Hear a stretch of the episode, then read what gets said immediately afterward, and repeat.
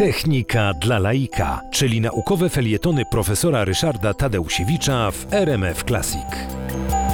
Komputery, które dotychczas, a właściwie przez długi czas, głównie służyły do obliczeń numerycznych, to znaczy obliczeń, w których dane były liczbami i wyniki były liczbami, zaczęły być w połowie lat 60. właściwie stosowane do obliczeń symbolicznych. Nie rozwijając tematu, powiem, że no, języki symboliczne między innymi służą do operowania na tekstach. Pierwszy taki język zbudował John McCarthy, jeden z ojców sztucznej inteligencji.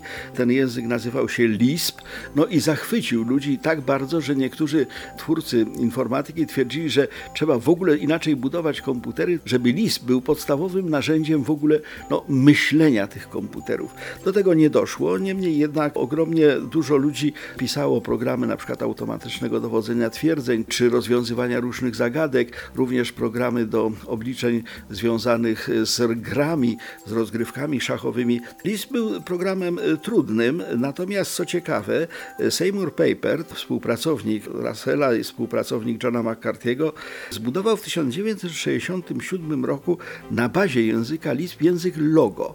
Co ciekawe, ten język był przeznaczony dla dzieci, bardzo małych dzieci, wręcz przedszkolaków albo e, uczniów pierwszych klas. Wraz z nauką pisania, czytania, dziecko mogło dzięki językowi Logo uczyć się programowania komputerów. Język Logo, połączony z taką dość zabawną e, no, elementem grafiki w postaci tak zwanego żółwia, który mógł coś tam rysować na ekranie.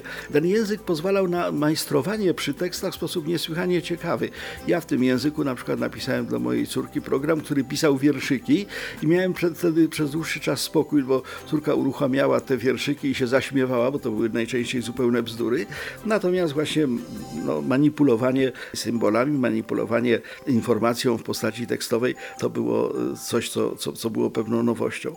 Obecnie w użyciu jest język Perl. W 1987 roku Larry Well wymyślił ten język. Jest to e, język, z którym budowana jest Wikipedia.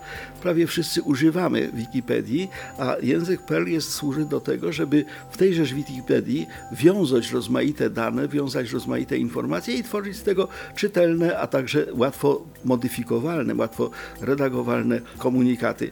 Wobec tego manipulacja symbolami to z jednej jednej strony właśnie jakieś tam bardzo skomplikowane automatyczne dowodzenie twierdzeń matematycznych, a z drugiej strony na przykład właśnie coś tak oczywistego jak Wikipedia.